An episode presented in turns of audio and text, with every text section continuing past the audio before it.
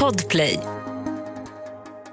Du vet väl om att du kan lyssna på avsnitten av Fallen jag aldrig glömmer en dag före alla andra. Redan på torsdagar kan du lyssna på podden på podplay.se eller i appen Podplay. Och naturligtvis är det gratis.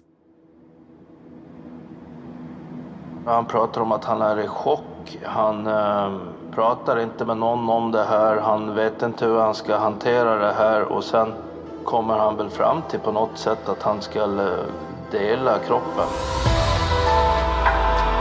Hon trodde ju att hon inte skulle överleva det här helt enkelt. De valde själva att fly från platsen och i samband med det så försökte vi helt enkelt stoppa dem. Det var såklart förfärligt att vara där under sex dagar. Jag tänker att hon hade en himla tur som kom ut därifrån. Bil som är precis likadant, så åker förbi den och tittar in och ser att helvete också, det är ju dem. Fallen jag aldrig glömmer. Podden som inte handlar om förövarna, som inte handlar om brottsoffer, utan som handlar om de som gjorde sitt jobb och löste brotten. Styckmordet, alla glömt.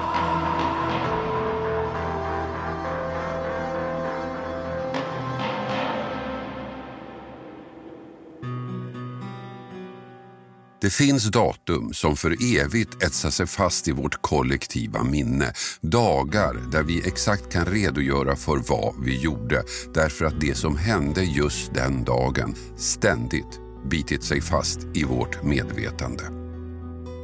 En sån dag är 7 april 2017. Det är då terrordådet i Stockholm inträffar. Rakhmat Akilov stjäl en lastbil och kör sin vansinnesfärd längs Drottninggatan. Fem personer dör, en var 11-åriga Ebba. Tio personer skadas. Akilov misslyckas med att ta sitt eget liv och flyr från platsen och i jakten på honom stängs hela Stockholm ner. Bussar, pendeltåg, tunnelbanan, allt stoppas.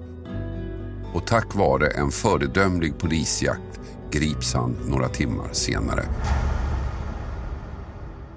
Men skräcken den första tiden var att det här inte var ett enskilt dåd, att fler var att vänta. Oroliga föräldrar ringer sina barn för att veta var de är. En av dem är jag. Och det märkliga för mig är att jag kunde ha varit där.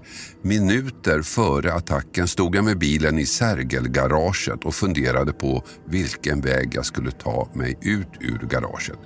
Mot Sveavägen eller mot Slöjdgatan. Jag valde Sveavägen. Hade jag tagit den andra utfarten hade jag hamnat mitt i hela händelsen. Och vi har alla vår berättelse från den dagen. Vad vi gjorde, vad vi tänkte, rädslan och stressen. Men en sak kommer ingen av oss ihåg. Att samma dag försvinner en 50-årig kvinna i Spånga. En kvinna vars kropp ligger gömd i familjens källare i väntan på att bli styckad. Ett av de mer bizarra brotten jag har hört talas om. Men ett fall som trots namnet på min podd ingen av oss minns. Ett fall som drunknade i terrordådet. Jag kallar henne Siv. Hon bor med sin man och deras två tonårsdöttrar i en villa utanför Stockholm och den 7 april försvinner hon, bara borta. Hennes barn vet inte var hon är, hennes syster vet inte var hon är och hennes man, som jag kallar Björn, säger sig inte heller ha någon aning om vart hon tagit vägen. Väldigt mystiskt alltså. Ändå dröjer det en hel vecka innan mannen anmäler hennes försvinnande till polisen. Och bara det faktumet gör att misstankar uppstår direkt. Någonting är fel. Och det är inte ens på eget initiativ som man anmäler försvinnandet. Så här berättar Håkan Ahlgren, utredare hos polisen som var den som fick det här fallet på sitt bord. Jag kommer ihåg att anhöriga berättade att de ligger på honom. Hon hade en äh, syster som bland annat äh, var på mannen om att hon tyckte att äh, han skulle anmäla frun försvunnen. Men jag vet inte riktigt varför han drog på det där. Ja, det tar alltså en vecka innan Björn anmäler att Siv är försvunnen.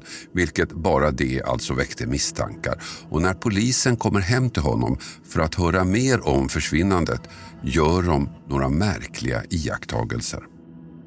Bland annat och att man hittade hemma i huset där eh, kvitton på eh, inköp av bland annat tigersågsblad och så var det någonting mer, något eh, starkt borttagningsmedel om jag kommer ihåg rätt. Några kvitton ligger fullt synliga. Kvitton på en tigersåg. Kvitton på ett väldigt starkt borttagningsmedel. Ganska märkliga inköp och det i kombination med att Björn väntat så länge med att anmäla sin frus försvinnande att han helt enkelt verkar oberörd gör att misstankarna ökar än mer. Så en större utredning dras igång och det blir alltså Håkan Ahlgren som blir ansvarig. Jag blev kontaktad, eller jag tillhörde den sektionen, det var väl grova brott-sektionen i Solna så var jag utlånad ett tag till eh, brott i nära relation. Eh, men eh, så gick jag tillbaka en månad tidigare kanske med tanke på att det här ärendet var på väg att uppdagas eller man hade misstankar i det här ärendet, så kan man säga. Och så hade man väl ingen handläggare på det till en början, så då blev jag aktuell där. Vad fick du veta då när du kom in i ärendet? Jag fick väl reda på att det var en kvinna som var försvunnen och att det fanns lite konstigheter runt mannen i ärendet som man hade fått reda på från början.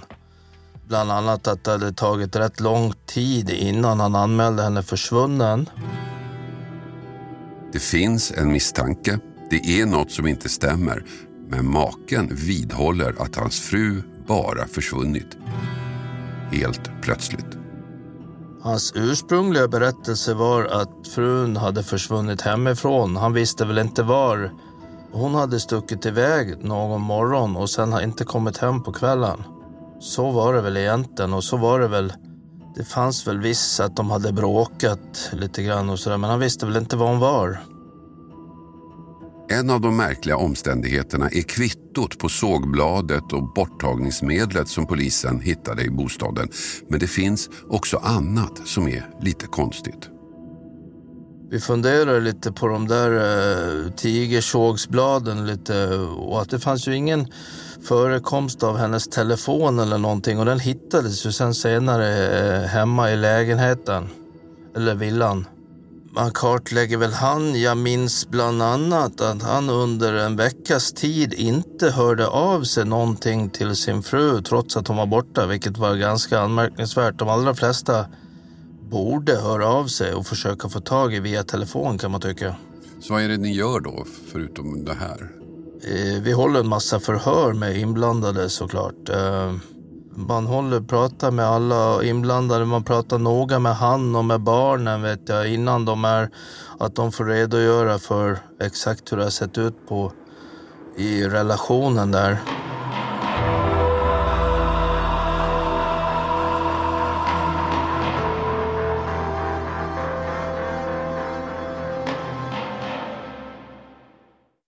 Den här veckan har vi ett betalt samarbete med Hello Fresh världens ledande leverantör av matkassar hem till dig.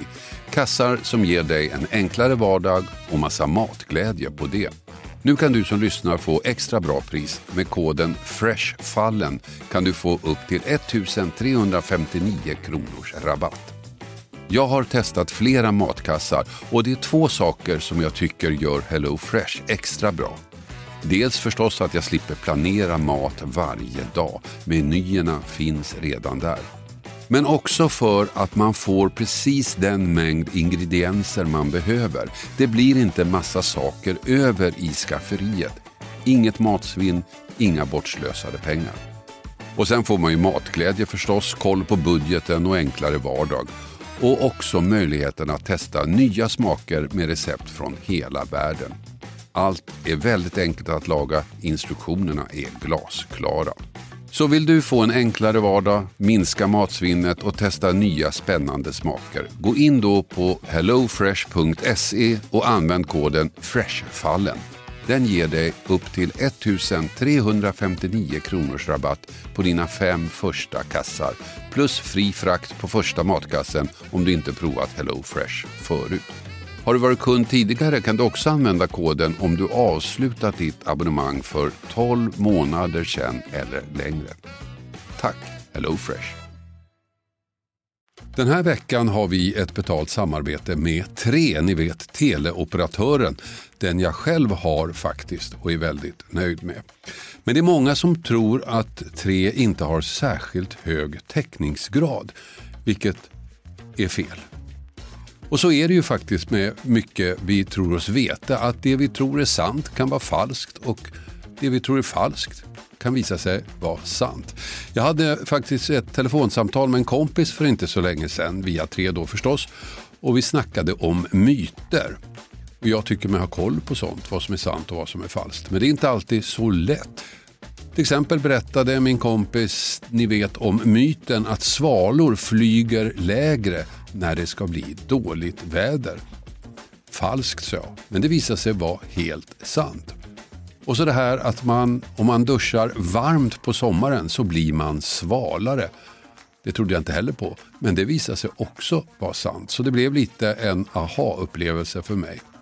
Men så pratar vi om vår gemensamma operatör. Ja, de har ju väldigt bra täckning, sa han. Och där visste jag att han har rätt. Han visste att Tre har byggt ut och nu har väldigt stor täckning. Men det är inte alla som vet. Och ibland är det inte riktigt som man tror.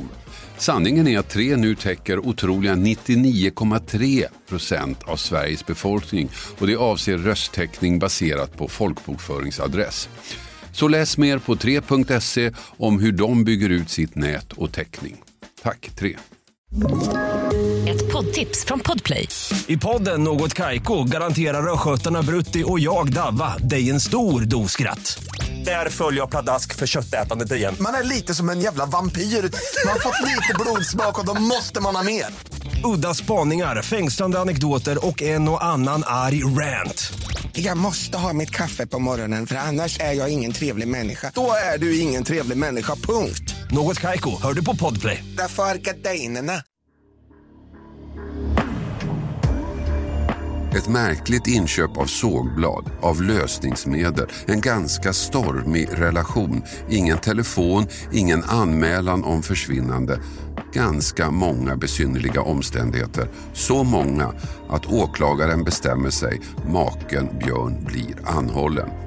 Han förs till arresten och där fortsätter han att neka och fler mystiska detaljer dyker upp. Han förnekar brott. Han har ingenting med det där att göra. Han berättar att de har bråkat och övrigt vet han ingenting. Innan häktning där. I samband med häktning, häktningsförhandlingen så hittas det en film eh, som han har spelat in på sin egen telefon som visar en kväll eh, runt den här tidpunkten där hon ska ha försvunnit. Där hon jagar han lite grann hemma i, eh, i villan. Hon är ganska upprörd och irriterad och han springer undan från henne och hon skriker på honom.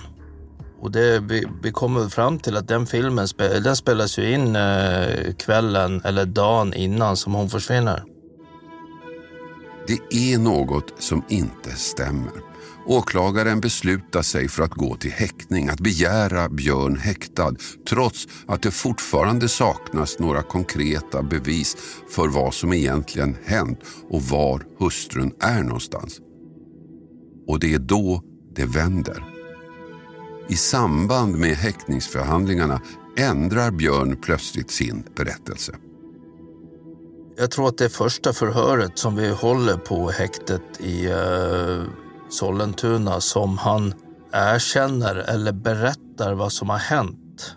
Man kan väl säga att han, han, han lägger en berättelse där. Den kommer ganska tidigt. Det är egentligen eh, eh, första förhöret som han har med den försvarare som sen är med hela vägen. Han har haft en annan försvarare, någon stand-in i början, men då eh, minns jag att han eh, uttryckte inga kommentarer i hela förhöret. Så egentligen det första förhöret som han ställs inför sen och det är när han har blivit häktad precis. Och det är en bizarr historia som kommer fram. En historia som börjar med ett bråk. Han berättar ju om vad som händer på kvällen. eh, Att de har bråkat eh, och att sen går de och lägger sig på kvällen och då säger han att hon igen kommer in till han. De har skilda sovrum. Eh, att hon går in och eh, skriker på han eh, om alla fel och brister som han har och jagar upp han i, i villan. Och de, det blir väl något typ av bråk där enligt han. Som sen slutar med en knuff eller ett fall från hennes sida. Att de tar i varandra. Hon ramlar bakåt och slår bakhuvudet i vardagsrumsbordet och tuppar av där och då enligt han. Han försöker eh, kolla om hon om det är något liv i henne eh, och försöker med hjärt och lungräddning. Men han säger att, eh, att, att hon andas inte och han påstår att han håller på väldigt länge med återupplivningsförsök. Sen så eh, vet han inte riktigt vad han ska göra enligt eh, hans berättelse och att han eh, tar in henne i hennes sovrum eller deras, i sovrummet där och lägger henne som jag då förstår död i sängen, täcker över ett täcke över henne och ja, det är väl lite grejer till. Han är ute och går med hunden och men sen kommer väl barnen upp och barnen går till skolan.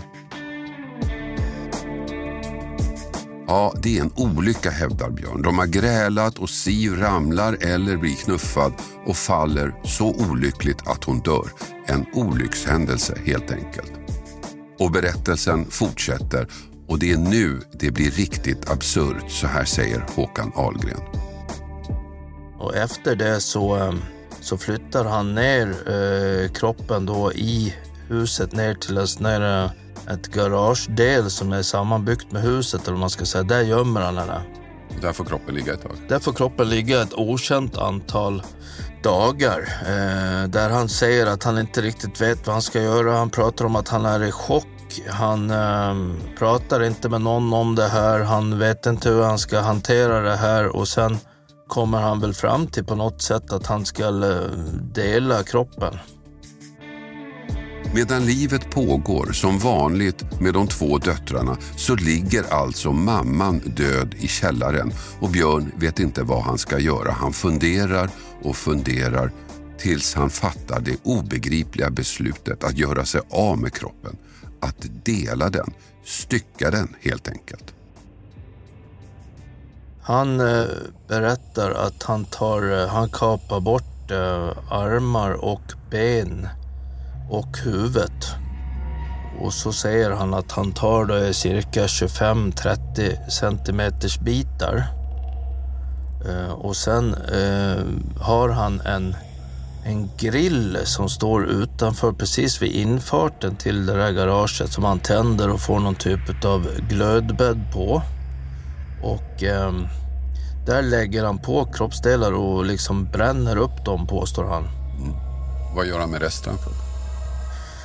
Han klarar inte det här till slut så att resten utav eh, kroppsdelarna, det vill säga bålen, hamnar i, lägger han i en plastback som han lägger i, i bagaget på en bil på gården till att börja med. Och sen så flyttar han den till någon annan bil i ett garage en, annan, en bit längre bort. Och där hittar han det.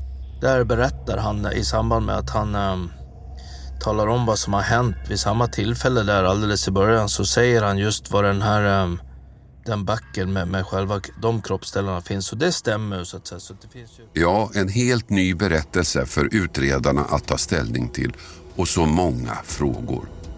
I bilen i garaget hittas bålen precis som Björn berättat. Men var finns de andra kroppsdelarna? De som behövs för att fastställa exakt hur Siv dog. Ja, här haltar Björns berättelse ganska mycket. Han hävdar att han helt enkelt eldat upp dem, att han lagt dem på grillen och de blev helt förstörda. Han pratar om att han eh, eldar så att det blir små, små bitar kvar. Och då ska man jämföra nästan med om man kremerar eh, en kropp på något krematorium eller någonting och man kommer inte upp i alls samma gradantal på en grill. Så att det, det troliga är att det skulle bli en förkolnad bit utav den kroppsdelen, men det är inte så han berättar. Han berättar som att det blir mer poröst och att man nästan kan slå sönder det till små. Ni hittar inga spår på grillen Nej. efter kroppsdelar? Nej. Vad tror du är anledningen till då i sådana fall att han skulle hitta på just den här delen? Jag vet inte. Jag minns att jag frågade honom vid något tillfälle att eh, med, med tanke på kroppsdelar som var borta att just själva huvudet eh, saknas. Och huvudet är ju centralt för hans berättelse. Och för, hade man hittat ett huvud eh, med en typ av fallskada som stämmer med vad han har berättat så hade det varit bättre för han kan man tycka. Men här är ju, eh, här är ju huvudet borta så att man kan ju inte på det sättet kan man inte kontrollera riktigt att det har gått till så som han säger.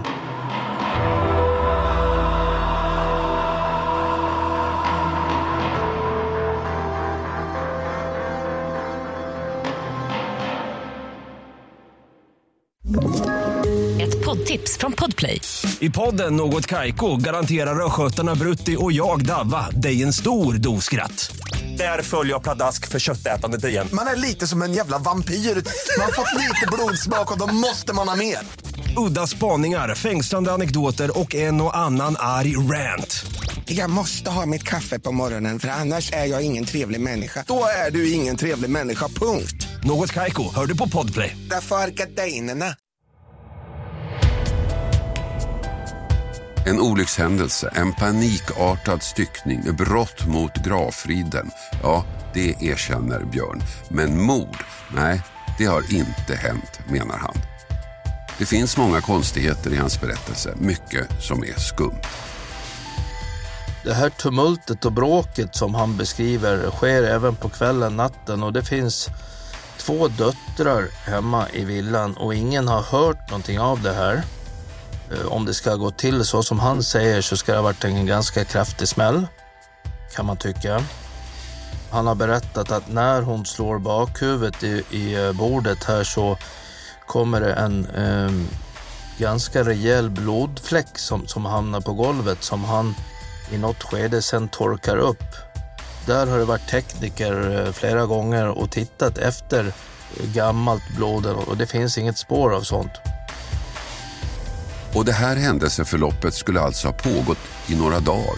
I källaren en kropp som styckas, på övre planet två döttrar vars mamma har försvunnit. Två döttrar som inte märker eller anar någonting.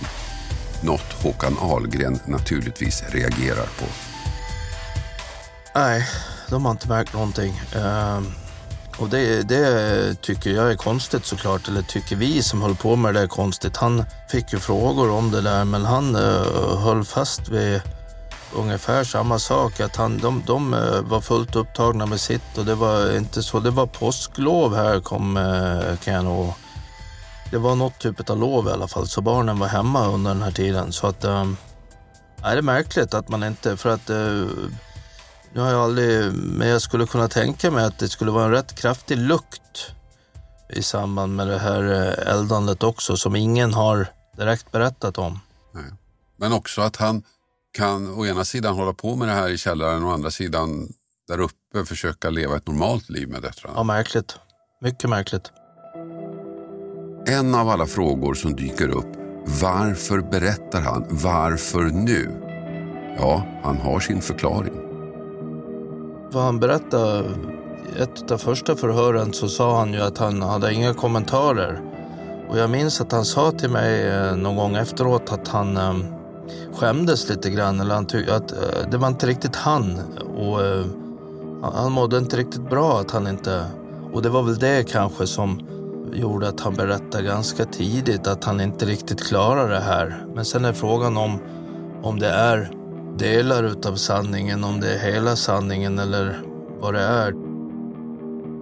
Han skäms, säger han, men det kan ju finnas ett annat motiv. Att det helt enkelt är en strategi, att han har en plan. Jag har funderat några gånger nu. Vi var många som höll på med det här eh, och hade olika delar i det här. Men jag vet när, när jag och en kvinnlig kollega som satt och höll eh, förhöret med han när han eh, berättade hur det hade gått till. Då. jag minns ju, för jag läste det innan här när jag gick hit idag, att jag, att jag frågar han om det är så att det har varit skett någon olyckshändelse. Om det är någonting som har gått fel så, finns, så skulle det kunna vara ett bra läge att berätta det. Och efter det så kommer den här berättelsen. Och så man, då sitter man och tänker på, har man själv gett han öppningen? Ja, kanske han fick idén i förhöret. Kanske han kom på den ändå, en strategi, en taktik för att komma lindrigt undan. Eller kanske sanningen. Med sin berättelse lägger han över ansvaret på utredarna. Det var en olyckshändelse, säger han. Underförstått, tror ni något annat så är det upp till er att bevisa det. Och här blir de andra kroppsdelarna av största betydelse. De som Björn säger sig ha eldat upp. Utan dem blir det svårt att bestämma dödsorsaken. Utan dem är det omöjligt att bevisa mord. Ja, det fick ju stor betydelse såklart att man inte kunde... Nu, nu höll han ju fast, från det att han berättade så, så säger han ju att eh, till exempel huvudet eh, ligger där på grillen och blir i små bitar av det där och sen så det som är kvar det kastas på återvinningscentral. Och det höll han fast vid hela tiden då. Sen är väl, eh, där hittas ju ingenting. De andra kroppsdelarna blir själva kärnpunkten i utredningen. Om de hittas kanske bevisläget blir ett helt annat. Genom att analysera Björns telefon kan utredarna se att han varit vid en sjö under den tid som frun var försvunnen. En sjö nära Arlanda flygplats. Vi letar i en sjö uppe bredvid eh, Arlanda. Någon sjö där man enligt hans GPS som det är på telefonen att han har varit där uppe mycket i anslutning till att hon försvinner. Så att där vet jag att man är uppe och vill leta med likhundar och ehm, sådär men man hittar ingenting där. Och det är väl mer ute, ja det är efter de kroppsdelar då som han påstår att han har grillat upp då. Eller eldat upp. Nej, inga fynd i sjön och nu står utredningen och stampar. Å ena sidan Björns berättelse om att det var en olyckshändelse och att han i panik styckat kroppen. Å andra sidan alla märkliga detaljer kring historien. Är Björn en mördare eller är hans berättelse sann? Han gör inte direkt intryck av att vara en våldsam person, menar Håkan Ahlgren. Han var ostraffad sen tidigare. Ganska jag vet inte, lite en eh, ensam varg kanske. Lite, inte otrevlig på något sätt i något, men, men eh, ja, svår, svår person och eh, man hade inte sett något tecken av något, något raseri direkt, utan den filmen som man såg så var det mer att han eh, gömde sig undan för henne. Men, eh, nej, svårt att säga, men, men en, eh, en, en en speciell människa.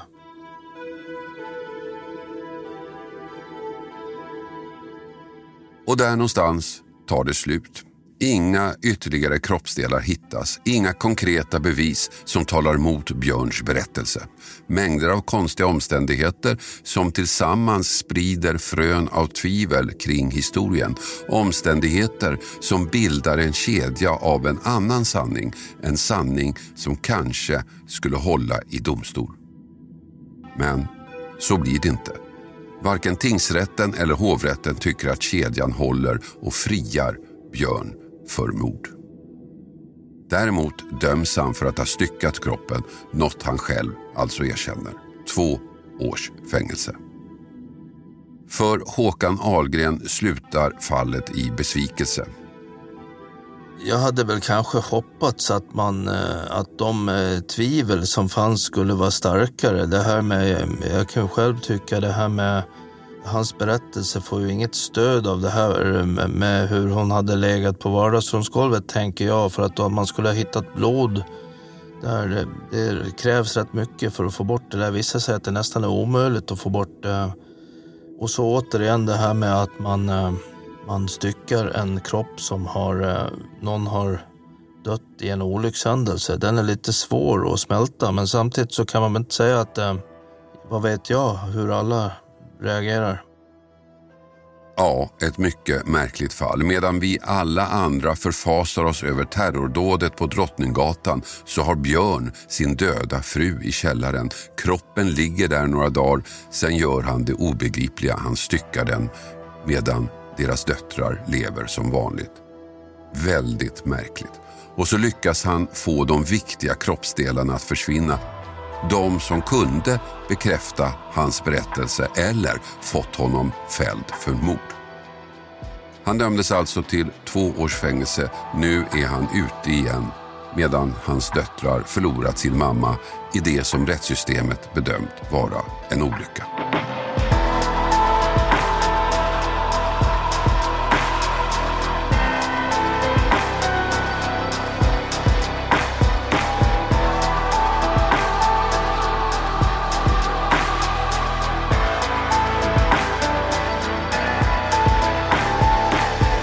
Du har hört podden Fallen jag aldrig glömmer. Klippning David Davva Persson. Och jag heter Hasse Aro. Du vet väl om att du kan lyssna på avsnitten av Fallen jag aldrig glömmer en dag före alla andra. Redan på torsdagar kan du lyssna på podden på podplay.se eller i appen Podplay. Och naturligtvis är det gratis. Podplay, en del av ett poddtips från Podplay. I podden Något Kaiko garanterar östgötarna Brutti och jag, Davva, dig en stor dos skratt. Där följer jag pladask för köttätandet igen. Man är lite som en jävla vampyr. Man har fått lite blodsmak och då måste man ha mer. Udda spaningar, fängslande anekdoter och en och annan arg rant. Jag måste ha mitt kaffe på morgonen för annars är jag ingen trevlig människa. Då är du ingen trevlig människa, punkt. Något Kaiko, hör du på Podplay. Därför arkadeinerna.